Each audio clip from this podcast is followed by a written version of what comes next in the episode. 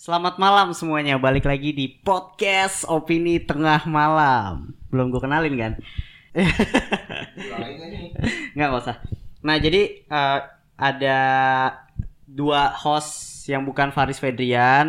Nanti gue akan ngasih tahu kenapa nggak ada Faris Fedrian. Dan pembahasan kali ini konspirasi.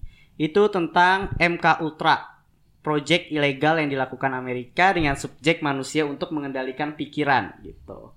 Way, ini ada kucing ya nggak apa-apa ya, dia lewat-lewat doang sih. Oke, pasang kacamata konspirasinya tetap open minded. Balik lagi di podcast Opini Tengah Malam.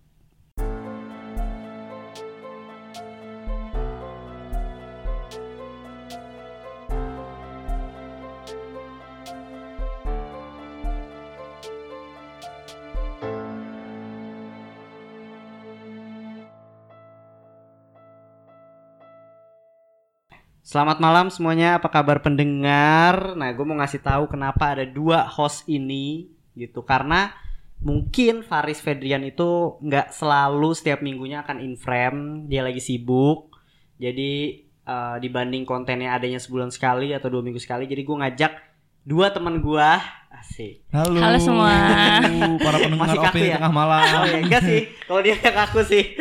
Iya, kalian berdua kan senior, aku Enggak junior. lah, enggak senior lah. Mungkin lebih senior dulu. nih. itu namanya siapa put? Namanya Mowi. Namanya Mowi gitu. Maaf ya, Kenalan kalau- lu dari sana pojok ada siapa? Annyeonghaseyo. Eh, sorry sorry kebiasaan. Salah ya. salah salah. Halo, gua Bagas atau bisa dipanggil Tom Tom sih biasa terkenal yang asik terkenal gitu. Takut. Siap siap bang terkenal. Di sini gua sebagai temennya Mas Bimo. Iya benar banget. Dan dia juga dia nge-MC juga ya makanya dia gimana gas? MC-nya Tadi udah awal tadi. Kan Iya. Salah tadi. di mana?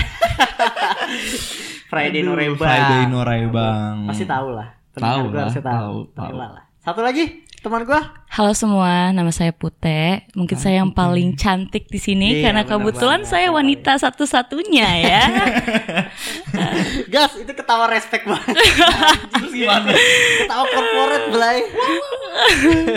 nah, jadi eh, kedua orang ini yang mungkin akan menghiasi wajah baru di opini tengah malam akan menemani gua terlepas dari Fedian Faris yang lagi nggak bisa gitu. Nah sebelum masuk nih gua mereka nih mau gue tanya pendapat tentang MK Ultra. MK Ketika Ultra. lu baca gitu. By the way ini tema dari Bagas ya. Tema ini dari Bagas. Keren-keren. Jadi gue pengen minta pendapatnya dari Bagas. Gimana menurut lu Gas tentang MK Ultra ini sendiri? MK Ultra ini sendiri ya. Hmm. Kalau gua sih karena waktu itu kan gue ceritain awal dulu awal dulu kali ya. Hmm. Jadi Bimo waktu itu ngajak gua untuk ikut di Opini Tengah Malam jadi host. Hmm. Terus dia nanya, dia nanya ke gua, kira-kira apa ya guys idenya yang menarik gitu buat si Opini Tengah Malam ini. Saya kira ya udah gua kepikiran tiba-tiba karena emang belakangan ini gue lagi suka mendengarkan lagu, lagu Muse. Muse. Iya. Nah itu kebetulan lagi ke shuffle tuh di pikiran gua lagunya MK Ultra. Hmm. Terus gue Mas Tobi mau ya Bim gimana kalau MK Ultra aja Bim? Kayaknya belum pernah dan kayaknya menarik deh Oh gitu. Tapi Awalnya dari situ. Pas lu baca nih tentang MK Ultra, dia itu adalah salah satu proyek CIA untuk mengendalikan pikiran gitu. By the way ini menurut gue udah bukan konspirasi lagi sih. Karena dia udah fakta, datanya udah bocor. Iya. Udah ke mana-mana lah ya. Yes, jadi udah bukan konspirasi lagi. Dan menurut lu mungkin lu aneh ketika tahu nggak mungkin mengendalikan pikiran gimana caranya gitu. Hmm. Yang di pikiran gue pertama saat mengembalikan pikiran ya. Hmm. Itu lo kayak uya kuya gitu. Romi Rafael. Beda dong, Gua- Kak. Itu jebolannya, Pak. iya. Karena karena gini MK Ultra ini sendiri kalau dari yang gue baca Ah. itu kalau nggak salah tuh si Amerika ini sendiri ngeluarin banyak duit ya buat MK Ultra. Sedangkan coba bayangin deh, Hmm. Uya Kuya coba pakai tisu modal korek, tepok, udah balik pikirannya. Kalau Uya Kuya gue masih kurang percaya lah. Kalau Romi Rafael mungkin masih oke. Oke. Karena ditepok tuh nggak mungkin, ditepok hipnotis tuh nggak mungkin. Tapi temen gue dulu, Apa? kehilangan motornya Karena ditepok. ditepok. Iya, tapi sering tahu kayak Nah. gitu. Nih sedikit bahas hipnotis ya. Ditepok itu adalah proses yang terakhir lu inget Oke. katanya, kemungkinan besar. Jadi lu ada obrolan-obrolan dulu yang masuk ke suges lu dan ditepok itu adalah terakhir yang lu inget. Gitu. Gue mau sih saat gue habis putus cinta ditepok gitu biar langsung lupa semua. Aduh. Takut. Siapa namanya? Ah, rahasia.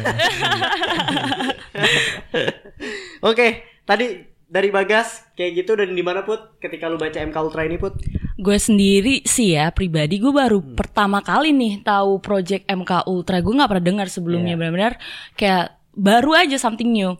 Dan uh, setelah gue cross check, gue baca-baca tentang beberapa artikel atau mungkin beberapa uh, knowledge tentang MK Ultra ini sendiri, menurut gue adalah salah satu bentuk integrasi, interogasi, Iya, interogasi. interogasi yang dilakukan oleh uh, pihak uh, atau lembaga berwenang yang menurut gue mereka tidak mencerminkan hukum yang mereka buat sendiri. Gue setuju sama Pute karena yang bikin gak wajar adalah cara mereka membuat orang itu jujur gitu loh, Betul. ditanamkan obat-obat dan lain-lain. Nah itu akan kita bahas di sini gitu. Nah sebelum masuk gue mau ngasih tahu opini tengah malam udah ada merchandise-nya bro. Wow, apa? Handmade by keren. Antramur gitu. Nanti ini ada nih videonya. Ish. Apa moving sticker gitu? Iya, is edit ya. nah kayak gitu akan eh, lu bisa kunjungin aja di Handmade by Atramu, lu bisa beli juga di IG-nya, lu bisa di Tokopedia-nya gitu. Bisa cek aja lah. Itu stiker sih sebenarnya. Gitu nanti gue bagi deh lu berdua. Ih, Asik. Pas banget, Kak. Basa-basi aja lagi. Gimik ya gimmick ya. lagi gini. Nah, buat kalian yang ada konten atau saran ketik mau bahas apa lagi dan lain bisa langsung DM aja opini tengah malam, bisa follow kedua Instagram kedua teman gue ini gitu. Semoga kalian nyaman juga karena dua orang ini gue cukup dekat udah lama juga kuliah gitu dan dia juga suka konspirasi gitu. mohon bimbingannya semua. Yes, banget. Dan langsung aja kita masuk Project MK Ultra di segmen konspirasi. By the way ini ada filmnya, ada dokumenternya Netflix. Sayangnya gue baru tahu beberapa jam sebelum kita rekaman itu namanya Wormwood gitu dan dia itu dokumenter di Netflix 5 episode ngebahas tentang MK Ultra.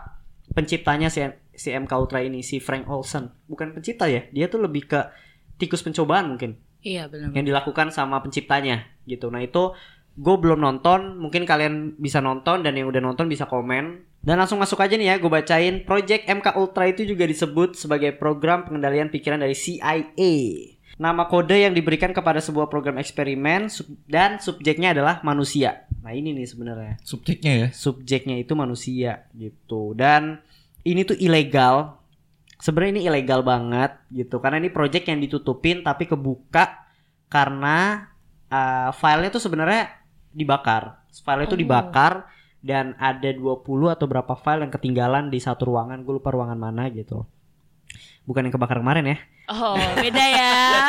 Beda. Aduh, jangan-jangan emang beda. ada yang dibakar gua juga. Di rumah gue juga ada kebakaran. Bakar sampah, ya, bisa. Bakar Betul, sampah betul. bisa. Bakaran jenggot. bakar jenggot ya kan bisa ya maksud gue ada lah bakar-bakar mah banyak Iya, kan banyak. gitu dari mana sih tujuannya untuk mengidentifikasi dan mengembangkan obat-obatan dan prosedur-prosedur untuk dipakai uh, dalam proses interogasi gitu lewat Interogasi. pikiran nah MK Ultra ini menggunakan berbagai metodologi untuk memanipulasi keadaan mental orang dan mengubah fungsi otak gitu dia menggunakan bahan-bahan uh, LSD LSD itu apa ya? Eh, salah satu jenis psikotropika, Kakak. Oh, Gitu. Gi- Gimana gimana Jas? Waktu nyobain? Hah? Wah, Waduh. Waduh, ninu-ninu gak nih? Jangan dong. Ninu-ninu. Dong. Nih ntar ada ada yang oknum menonton, saya kena nih. Waduh. Rusak karir saya di sini. Baru mulai, baru debut langsung rusak karir. Coba lu jelasin deh apa sih LSD itu gitu. Mungkin buat pendengar yang nggak tahu. LSD ya, tadi bener sih yang kayak Hmm. si Pute bilang jenis bahan psikotropika ya kalau dulu gue sempat belajar pas dulu sekolah ya Hmm. itu psikotropika nah itu bisa eh, menghipnotis terus mengisolasi mengisolasi sih maksudnya mengisolasi pikiran gitu mungkin ya terus kemudian macam-macam juga efeknya ada pelecehan verbal dan seksual wow Wow. Jadi LSD itu lebih ke obat-obatan ya. iya. Fungsinya untuk buat kita tadi maksudnya ini hipnotis. yes. Tapi maksud gua ada orang yang mengkonsumsi ini gak sih sebenarnya untuk nar- apa narkoba jatuhnya? Kalau menurut gue tahu nih. sendiri ya, psikotropika itu kan sebenarnya awalnya adalah obat yang memang tujuannya untuk mengobati kan. Mungkin eh, gue nggak tahu ya, ada mungkin ada beberapa bahan dasar yang sama dengan LSD yang digunakan untuk untuk orang-orang yang mungkin punya skizo, untuk Oh, orang-orang yang punya skizo. ya, yang punya mental health di mana mereka eh, nggak bisa membedakan dunia nyata dengan dunia hayalannya mereka. Hmm. Jadi dengan eh, LSD atau mungkin obat yang mem- memiliki bahan dasar sama dengan LSD, dia bisa eh, memasuki alam bawah sadarnya orang tersebut dan akhirnya untuk membantu gitu. Yang mana nyata, yang mana gitu. hayal seperti itu kakak. Kok Serius? gitu sih kok gitu sih responnya? Enggak maksud gua, gua baru ya, baru tahu pak. Kok aku kayaknya expert banget ya, aduh. Gua baru kok. Jadi saya yang gitu. ninu-ninu nih Iya, takutnya. iya. Tenang, tenang, tenang, tenang. Berarti secara garis besarnya LSD ini amang awalnya itu untuk medis berarti ya? Untuk medis. Untuk Menurut medis gue- terus disalahgunakan. Iya, menurut gue segala sesuatu narkotika, psikotropika itu sebenarnya awal dasarnya adalah untuk medis. Kan ada beberapa banyak eh, yang mereka tuh tujuannya untuk biar bisa relax, biar bisa lebih tenang. Tapi ya itu karena orang awam dan orang yang eh, menggunakan itu tanpa resep dokter, tanpa eh, surat dokter dan tanpa perizinan ya, Iya. otomatis itu yang akhirnya mereka nggak tahu batasannya mereka menggunakan itu cuma boleh berapa gitu kan, berapa miligram atau berapa tablet, sehingga itu yang bisa bikin mereka akhirnya kecanduan, bisa bikin mereka Dengan melakukan alasan iya. mereka, ya gue nyaman. Nah, Pasti itu. nyaman. Yes. Jadi- nyaman susah emang pak. Au, aku no comment. Mantap bos, kalau nyaman emang susah sih. Ya, Takut. kurang lebih itu dia menggunakan bahan uh, LSD itu untuk si MK Ultra ini sendiri. Nah, project pertamanya itu uh, ada, mungkin gue bilang sih dia salah satu uh, yang membuat juga sih namanya itu Frank Olsen. Nah, ini tuh di dokumenternya ngejelasin tentang kehidupan Frank Olsen ini. Frank Olsen ini meninggal melompat dari hotel salah satu hotel di Amerika. Lantai berapa ya? wa inna 13. Waduh, 13 lagi. 13 lagi Kenapa ya? harus Hah? 13 ya gak sih? Apartemen lu lantai 13 kan? Aduh. Ini lantai aduh. berapa ya? 13 sih tadi. Aduh. Tempatnya Frank resepsionis. Olsen. Waduh, jangan nggak gitu.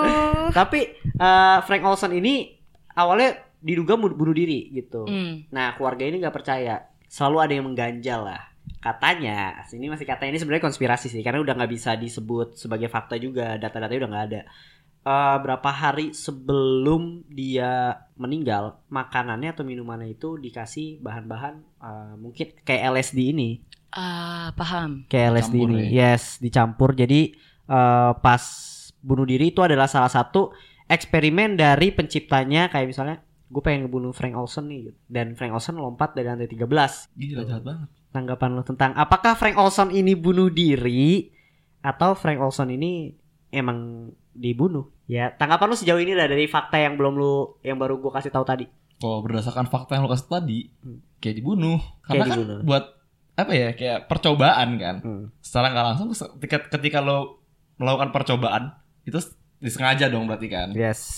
Berarti ya secara nggak langsung dibunuh. Kalau dari beberapa informasi yang tadi udah lo sebutin Bim yang Hmm. di mana katanya em, diduga makanannya Yes. diberikan campuran kayak gitu sih menurut gue.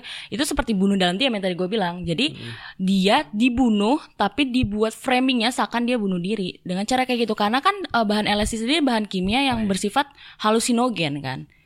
Dia berhalusinasi. Mungkin sebelumnya dia tuh di treating dia dia tuh kayak ditakut-takutin. Sehingga ketika dia makan eh, makanannya yang sudah dicampur bahan kimia itu ha- apa alam bawah sadar dia yang sebenarnya lagi ketakutan atau mungkin lagi tertekan akhirnya Yes. muncullah halusinasi yang membuat dia seakan-akan this is the right time for me to die aja gitu Si anjos. Quotes. kayak Tapi- gitu. Apanya kuat? Gak ada serem Udah apa kuat? makanya takut jangan ya Iya, iya. semua Tapi ya kalau dari gue sih sejauh ini gue masih percaya itu bunuh diri dari gue ya. Kenapa? Kan- kenapa Hah? bisa Kenapa berpikir gitu? seperti itu? Karena untuk bukti dia, gue belum nonton dokumenternya sih ya. Jadi gue masih percaya dia bunuh diri. Buktinya belum terlalu kuat Hmm. karena dicampurin bahan LSD pun eh, itu masih sebuah teori gitu loh. Hmm, hmm, Eh, hmm, gua hmm. jadi masih masih sebuah nggak tahu lah. masih kabar burung yes, lah ya masih kabar burung. Burung apa tuh men? Tuh Oh. Kita lanjut lagi nih, sejarah MK Ultra. Jadi dipimpin oleh Sidney Gottliebs. Proyek MK Ultra dimulai atas perintah Direktur CIA Alan Dulles Wells. Pada tanggal 13 April tahun 53, tujuannya adalah untuk mengembangkan alat yang mampu mengendalikan pikiran. Nah, sebenarnya alat MK Ultra ini meniru yang dilakukan sama Uni Soviet sama Jerman kalau nggak salah ya. Cina. Uni Soviet, Cina, Korea dan ini dilakukan untuk tawanan perang sebenarnya. Tujuan awal itu ta- tawanan perang. Jadi ketika lu dapet tawanan, lu butuh informasi dari dia digunakan project MK Ultra ini. Sebenarnya wajar untuk apa? Interogasi. Kenapa sobat kata Strategi itu? perang ya. Iya, iya benar. Untuk itu sebenarnya wajar, tapi eh, emang susah sih ketika mungkin lu punya rahasia nih untuk negara lu dan ketika lu ditangkap, lu susah buat buka mulut kan. Ada yang sampai lu disiksa pun sampai mati pun nggak bakal buka mulut. Nah ini gimana caranya mengorek informasi dari orang yang kayak gini nih? Gitu. Jadi sebenarnya ini tahapan yang ilegal dilakukan dengan obat-obatan dan ada beberapa cara lain sih sebenarnya. Gitu. Langsung aja gue masuk nih cara-caranya itu yang pertama menggunakan uh, drugs gitu yang tadi mungkin LSD tadi yang kita udah dijelasin juga sama Bagas. Yang kedua itu ada menggunakan gelombang suara. Nah, ini Wow. untuk menghapus ingatan seseorang dengan cara menembakkan sebuah gelombang suara yang sangat kuat kepada subjeknya. Dengan begitu diharapkan si subjek akan mendapatkan kerusakan otak namun tidak mendapatkan tanda-tanda kerusakan fisik pada tubuhnya. Aduh, jadi kayak suaranya kenceng banget gitu ya sampai dia Yes. tuh benar-benar kayak lebih memilih untuk minta stop ya gak sih? Iya, Lu aja kalau misalnya dengar suara yang pernah gak sih kalian Nyit gitu ya. Iya, iya. itu aja udah Irritas sakit itu ya. banget. Ya ampun. Itu soalnya biasanya di atas uh, ultrasonic gitu kan. Iya iya benar Iya, kayak iya, kayak iya. kelelawar. Nah, kan. ultrasonic gitu bukan sih? Yang pokoknya intinya ketika lu denger suara itu tuh lu nggak nyaman. Iya. nggak nyaman banget gitu. Mungkin gendang telinga lu pecah dan lain-lain gitu. Dan selanjutnya itu ada hipnotis gitu. Nah, ini dia Aduh. Uya Kuya. ya kuya. Ya kuya tujuh bulan MK Ultra, Pak. Wah, Wah, Enggak ya, maaf ya. waduh. Dan selanjutnya itu ada metode isolasi gitu loh. Sebenarnya isolasi sendiri eh, dia dikurung gitu di dalam dan lain-lain. Ya, metode yang wajar sih sebenarnya isolasi. Gue kira isolasi tuh di pakai Lakban, lakban. Aduh. Padahal gue dari tadi nahan loh guys. Gue juga Oh, nahan. Dari tadi gue nahan gitu. Kebetulan di samping gue ada isolasi. Jangan dibeli, enggak lah, jangan bohong. Selanjutnya itu ada metode pelecehan atau verbal abuse gitu. Hmm. Jadi kayak Yuh, Ya. masih kayak gitu. Tapi intinya verbal abuse itu eh, di, dia digambarkan sebagai pernyataan mendefinisikan eh, suatu hal yang negatif kepada si korban dan membuat korban itu menganggap eh, apa ya ini? Membuat sebenarnya ini jatuhnya bukan verbal abuse sih, lebih ke memainkan kata-kata Yang Nah, ada yang kira- menyerang psikis gak sih? Yes, nyerang Iya, psikis benar. gitu loh. Oke, oke. Gimana ya? Mungkin ya contohnya ya. Kayak mungkin gini misalnya contohnya nih Bim, lo, Anjay. lo ketangkep nih misalnya ya kan lo ketangkep terus yang gue katakan eh, yang gue omongin emang lo kira orang tua lo bakal bisa tenang hidupnya dengan lo Oh, kalau lo I see. bekerja sama dengan gue orang tua lo orang yang lo cintain gue bebasin Kalau ngatain sama bapak, mau lo masuk nggak? sama sih. Aduh. Termasuk tuh? Abis nggak sih tuh? Hah? Abis nggak sih tuh? Enggak, enggak habis tapi. Nggak abus, nggak abis ya. Abus. debus debus kali ah Tapi serius, emang terkadang kata-kata itu emang maksud gue bisa ngebuat eh, kena psikis juga Hmm. gitu. iya apalagi kalau misal lo lagi di di frase ini mana lo lagi tertekan tertekannya dan itu kan pasti bu- apa ya bukan iman ya apa Pembunuhan karakter. Iya, logi Wis, iya logika lo itu kan lagi bener-bener kayak tiba-tiba mendadak hilang dan yang tersisa adalah hati nurani lo dan apa rasanya ketika hati nurani lo pun udah disentil gitu. Pasti kan lo bener-bener kayak apalagi kalau misalnya yang di targetkan adalah orang yang lo cintai. Asik. Asik. Iya gak sih? Oh, oh, mungkin bisa juga ancaman. Iya, iya. betul. Ancaman. Tapi menurut gue ini kalau dari cara-caranya ini ada berapa berarti cara-cara yang tadi gue bilang? Tadi lima ada ya? lima, betul. ada lima.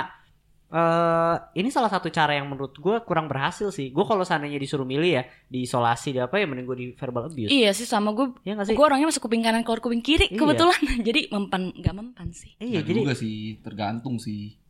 Ah, Ketika, tapi bisa ketika jadi yang sih. interogasi ini CIA secara nih, secara Iya. CIA Central Intelligence Agency. Aduh. Itu kan berarti kan mereka pintar-pintar kan. Iya, IQ di atas rata-rata, nggak ada yang nyongkok IQ-nya.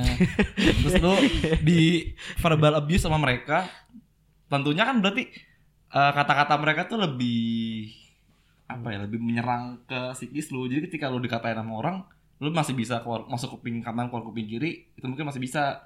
Cuma ketika eh, yang abuse itu si CIA ini sendiri, mungkin beda lagi. Pasti kan si CIA juga dia punya eh, sebelum melakukan sebuah interogasi dia pasti udah mempelajari background lu kayak gimana, Hmm. lu punya masalah sama siapa. Nah, itu bisa dijadiin senjata senjata dia. Oke. Iya sih benar sih benar benar Ini benar. jatuh. Iya. Oke, paham gue tuh ya. yang yang masalah verbal abuse tadi. Gue setuju juga sih, nggak nggak CIA jo, nggak CIA doang sih sebenarnya. Tuh, Pasti di agen-agen juga agen-agen Agen. kita gitu. Agen galon. Agen juga research kan, research tentang pembelinya kan? iya. Iya, harus tahu. Secara Jadi menyesuaikan harga pasar ya. pasar. Oke, nah ini korban-korban MK Ultra itu sendiri ya. Eh, korban-korban ini itu banyak banget sih sebenarnya, terutama itu untuk tahanan-tahanan kriminal, tapi juga ada ilmuwan, seniman. Nah, ini biasa seniman make sih beberapa ya dulu ya, yang kita tahu ya. Mungkin gua gak sebut nama, mungkin kalian juga tahu lah. Untuk membuat dengan alasan mungkin apa ya ide Iya. keluar kreativitas gitu Eh, atlet juga ada yang make juga Atlet gimana ceritanya atlet? Mungkin biar lebih memacu Oh energinya dia, iya, biar- kuat, yang lebih kuat ya. Nah, tapi mungkin eh, dosisnya nggak sebesar seniman mungkin ya. Mm. Ya misalnya lagi main bola gambarnya jadi berbeda-beda, nggak mungkin juga. Penulis One Flew Over the Cuckoo's Nest itu juga katanya itu dia salah satu korban atau menggunakan eh, si MK Ultra ini gitu loh. Di sini sebutnya si korban ya. Tapi gua nggak tahu ini kayak gimana prosesnya. Kurang lebih sini gue dapat datanya dan eh, film ini buku sih sebenarnya ini sastrawan tapi kan dijadiin film dan filmnya menang Oscar. Lanjut lagi itu ada ending dari MK Ultra itu sendiri. Endingnya itu gua singkat cerita aja.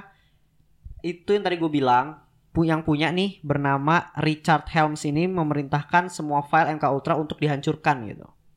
Dibakar lah kurang lebih. Berdasarkan perintah ini, sebagian besar dokumen CIA tentang proyek ini hancur sehingga membuat penyidikan penuh dan menyeluruh atas MK Ultra menjadi mustahil. Ya wajar sih kalau dokumen udah hancur lu mau mau nggak bisa apa-apa juga kan. Iya, betul. Tapi sekitar 20.000 ribu dokumen selamat dari pembersihan yang dilakukan oleh Helms ini. 20 ribu cuy ternyata, bukan 20. Ribu-ribu. Banyak ya 20.000. ternyata yang selamat. 20 ribu karena beberapa dokumen ini telah disimpan di sebuah bangunan catatan keuangan gitu. Hmm. Jadi mungkin keselip atau gimana. Dan dokumen-dokumen ini sepenuhnya diselidiki selama eh, tahun 77 gitu. Dan akhirnya ketahuan dan disebut ini adalah proyek yang ilegal. Gitu. BTW itu gedungnya secrowded apa? 20 ribu file. Dulu kan dulu kertas berarti kan. Iya. Iya. Bisa selip atau apa? Tadi dulu, satu rim berapa tuh? Kalau A4? Ya, 500 kan? gue bukan mau fotokopi nggak tahu bang. Itu 500 gak sih? Biasa segitu sih, betul. Ya berarti dikit dong, 20 ribu. Satu rimnya segini nih. Kalau ini 1000 ibaratnya segini. 20 ya, ya satu ruangan ini masih cukup lah. Betul sih bisa bisa. Bisa. Oke oke, lah. nice observasi ya. Nah observasi, tapi Iya, betul, betul. kurang lebih kayak gitu. Dan tanggapan lu gimana nih? Terhadap si MK Ultra ini sendiri. Coba Apakah eh itu hanya halu? Maksudnya hanya membuat orang itu menjadi eh, naik gitu misalnya ngefly atau berpikir ke mana-mana atau membuat otaknya pun jadi nggak beres dan informasi yang dikeluarkan sebenarnya nggak bisa dibilang kredibel juga gitu. Coba dulu yang mau mulai. Mungkin dokter Putri ingin memulai. Kok dokter? Dari tadi soalnya anda paling scientific nampak ya. Kalau misalnya menurut gue sendiri MK Ultra ya tadi yang kayak lo sebutin tadi Bim. Hmm. Ini sangat nggak kredibel. Dan lo cuma membunuh orang perlahan gitu. Ya, makanya disebut ilegal. Iya, lo mematikan sistematika otaknya dia, sedangkan informasi yang lo dapat juga lo bis- belum tentu. Gimana sih lo bisa mempercayai eh, kata-kata yang dikeluarkan oleh orang yang nggak sadar gitu? Ya kan? Hmm. Nggak nggak nggak truly awake, walaupun lo yang lo ambil adalah bawah sadarnya dia, tapi kan ini dalam posisi obat kimia yang membuat lo high. Oke, nggak nih gue potong, gue potong sedikit ya, gue Oke. potong sedikit. Hah? Gue nggak ngerti nih ya, tapi mungkin lu bisa menjelaskan ke gue. Hmm.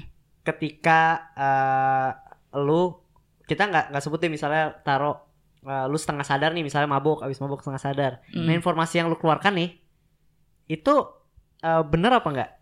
gue nanya, gue nanya, gue nanya. Gue nanya mungkin di belakang kamera lu ngomong ntar gue sampein. Kalau misalnya lu mau ngomong ya, bener apa enggak? Kurang Bener. lebih, ah? Bener. Benar. Oh benar.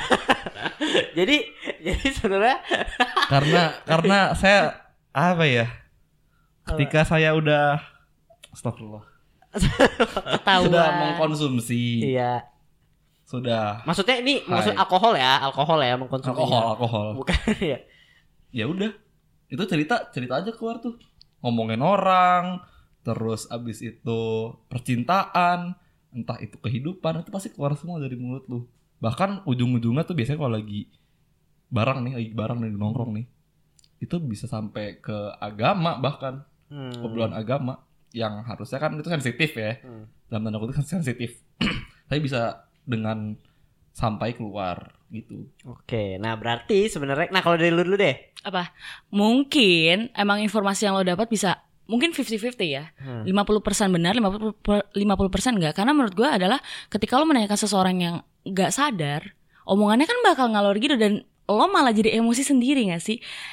Inti dari yang ingin lo tanyakan jadi ke A, ke B, ke C, ke D. Kan dia kayak Oke, Oke. oke, Iya. ini gue boleh paham nih. Tapi maksud gue yang interview lu tuh CIA bro gitu maksud gue. Informasi pasti bakal difilter. Dia tujuannya emang buat yaudah lu keluarin dulu deh mau bohong atau enggak. Nanti difilter sama dia kan. Iya gak sih? bisa Iya nggak sih sebenarnya? bisa. iya sih, bisa sih. Nah gue nggak tahu tapi uh, bedanya alkohol sama LSD Nah, ini. Tapi itu. di sini juga ada dia ngomong MK Ultra uh, salah satunya dari alkohol pun bisa digunain gitu loh. Hmm. Tapi kecil. Ya, lanjut lagi nih ya. lanjut Konspirasi di balik MK Ultra. Wih, seru nih. Alkohol bisa digunakan dalam pemo, pemo, pemrograman pada Eh, proyek MK Ultra. sorry tadi kan gue sempat ngomong tuh mengkonsumsi alkohol Hmm. nah kemudian lu bahas alkohol sebagai MK Ultra tapi sumpah itu yang gue konsumsi bukan MK Ultra bukan bukan bukan nggak gue Nah, gunakan tapi ini di- disebut kok serum kebenaran tingkat rendah. oke Jadi maksudnya tujuannya tuh MK Ultra sendiri kan memainkan pikiran sebenarnya. ya Alkohol tuh juga bisa punya eh, apa ya namanya? sifat itu gitu loh. Tapi nggak ke sana. Paham gak sih lo? Paham. Jadi Iya, lebih ngerti, ke ngerti, ngerti. permainan pikiran aja Hmm. gitu. Kayak tadi isolasi, iya eh, verbal abuse itu kan juga mainin pikiran karena itu bisa disebut si MK Ultra itu sendiri. Tuh. Tapi lebih ke negatif kalau Hmm. kata MK Ultra ini sendiri ya. Terus MK Ultra itu dibalik industri farmasi. Ya jelas obat-obatan. betul Iya. Obat-obatan ini termasuk wah nih gue nyebutin juga nggak tahu sih gue. Prozac, Ritalin, dan Zoloft. Diduga obat-obatan tersebut mengengkang proses pikiran dan sulit atau sulit diatur katanya. Terus penculik, ah ini lucu sih. Penculikan alien mungkin menjadi layar terselubung untuk pemo- pemrograman MK Ultra. maksudnya Asik gimana tuh Eh, Itu gimana tuh? penculikan alien Ya seolah-olah kayak misalnya sorry nih, gue gue mulai mulai nggak tahu sih sebenarnya jelasinnya. Tapi mungkin yang gue tangkap adalah ya dia ngomongnya ini project MK Ultra, padahal project alien alien, alien yang ini. Tapi ya itu udah udah ke mana-mana sih ya. oh ngerti gue Ya, paham nggak sih lo? ngerti gue MK Ultra ini dari obat, padahal enggak alien. atau Ya. bisa juga itu MK Ultra yang bikin si alien gitu Nah, iya. Aduh. kan ini masih konspirasi. iya Iya. iya iya iya tapi Betul. agak nggak masuk akal sebenarnya sih Tapi ya kayak gitu dan adanya koneksi antara ear candling anjir ini kocak banget sih ear candling lu tau gak sih ear, ear candling apa tuh yang ya nanti yang- YouTube ada nih ya yang di ini loh yang di iya iya iya iya, yang iya. Heeh. hanya MK Ultra dari mana itu? Mungkin lo relax kali jadi tenang. ya kalau gue pakai giniin kuping pakai kapas juga relax cuy. Enak banget. Ya nggak sih. Itu kalau lagi puasa makruh tuh. Tapi maksud gue gue nggak tahu sih hubungannya ear candling sama MK Ultra ini ya. Dan lanjut lagi nih mungkin terakhir MK Ultra dapat dimasukkan ke dalam teknologi satelit masa depan. Wow. Nah, isunya gitu MK Ultra sendiri juga eh digunakan dalam kayak perfilman gitu. Jadi ini udah mulai sebenarnya udah mulai ke modern dan gue sebenarnya kurang paham juga jadinya konotasi MK Ultra itu kayak gimana. Jadi kayak ketika eh film mencoba mempengaruhi lu gitu loh dan lu terpengaruh gitu loh. Itu salah satu project dari perkembangan si MK Ultra ini sendiri gitu. Kalau di komunikasi teori kultivasi lah ya. Yes, yes, yes, yes, Yes, yes, bener yes. banget. Cuma ya kalau dari pandangan gue MK Ultra adalah project yang menggunakan eh, obat-obatan si LSD itu. Oke, gimana tanggapan Klean terhadap MK Ultra ini? Gue udah habis sih materi gue. Oh, yang di ini dong, yang Muse gue mau denger dong. Iya dong. Tadi lu sempet nyinggung deh. Setahu gue denger, apa ya denger gue nyanyi gitu maksudnya maksud gue eh, mungkin tanggapan terakhir dari lu deh untuk project MK Ultra. Project MK Ultra tanggapan terakhir gua mungkin mungkin eh dulu gua ngira MK Ultra ini tuh kayak semacam lu kayak pakai headphone habis itu lu orangnya pakai headphone juga yang lu interogasi Oh, habis itu ngajak iya. ngobrol ntar dia kayak ikut pikirannya gitu Hmm. dan ternyata uh, setelah gua kulik-kulik lagi ternyata tebu sebuah LSD ya Hmm. kayak obat-obatan gitu ternyata yang bikin lu jadi mudah menjawab apa yang ditanya oleh si speaker itu Oke. Jadi, Percaya atau enggak? percaya Lu percaya? percaya Pute? Kalau gue percaya sih karena ketika suatu negara ingin melindungi negaranya sendiri dia akan melakukan segala cara nggak sih untuk mendapatkan informasi yang di mana informasinya itu buat melindungi negaranya dia sendiri mungkin orang yang dia jadikan eh, apa sih kelinci percobaan Hmm. di MK Ultra ini adalah mungkin penjahat-penjahat udah kelas kakap mafia yang benar-benar dia punya suatu informasi yang Iya. sangat dibutuhkan negara itu sampai dia harus banget tahu dan melakukan aduh gimana sih gue harus find way Cari tahu ya. Iya, dan akhirnya mungkin emang ini adalah hal gila, tapi kita kan nggak ada yang tahu ya. Biasa kan segala suatu metode yang kita lakukan tuh pasti ada 50-50, baik buruknya. Hmm, Oke. Tapi- I see. kebayang gak sih kalau ternyata Amerika bikin MK Ultra itu cuma sebagai propaganda doang agar nggak mau kalah dengan Rusia Ah, itu. Aduh, gue nggak mungkin. Gue nggak tahu sih. Tapi itu cara. Menurut gue nggak. Menurut gue itu adalah bagian dari. Wah ini Rusia menggunakan ini. Gue juga mau gunain ini nih gitu. Iya kan kayak perlombaan Oh mereka. iya iya sih. Iya sih benar sih benar. sih. Padahal sebenarnya si CIA ini nggak nggak punya itu MK Ultra. Hmm, ngerti gue ngerti Hmm. ngerti. Tapi dia cuma bikin gimmick nih gimmick. Wah iya. Nah itu bisa juga tuh. Gue tuh kepikiran tadi pas dia Putih ngomong gitu gue langsung kepikiran. Hmm, kalau MK Ultra cuma propaganda doang itu kacau sih. Tapi enggak. Menurut gue nggak propaganda. Iya juga sih bisa. gue labil banget bangsat. Tapi kayak kalau dari gue pribadi, gue percaya itu proyeknya Amerika dan terbukti juga menggunakan LSD itu. Cuma menurut gue perkembangannya stop sampai udah sampai pas ketahuan ya. Tapi gue nggak tahu ya di balik itu ada lagi atau enggak alat yang lebih canggih tanpa menggunakan obat-obatan Oke. gitu sih. Believe it or not lah. Oke. Oke, oke. Oke. Kurang lebih tentang MK Ultra itu sendiri dan lagunya Muse juga salah satu yang judulnya MK Ultra ada terinspirasi dari MK Ultra. Itu sendiri. Yes, itu sendiri juga. Kalau lu baca liriknya itu lu bakal ngerti kenapa liriknya kayak gitu Hmm, Yes. kenapa terinspirasi dari MK Ultra. Oke. Dan ini aja untuk dari opini tengah malam sampai ketemu di episode berikutnya.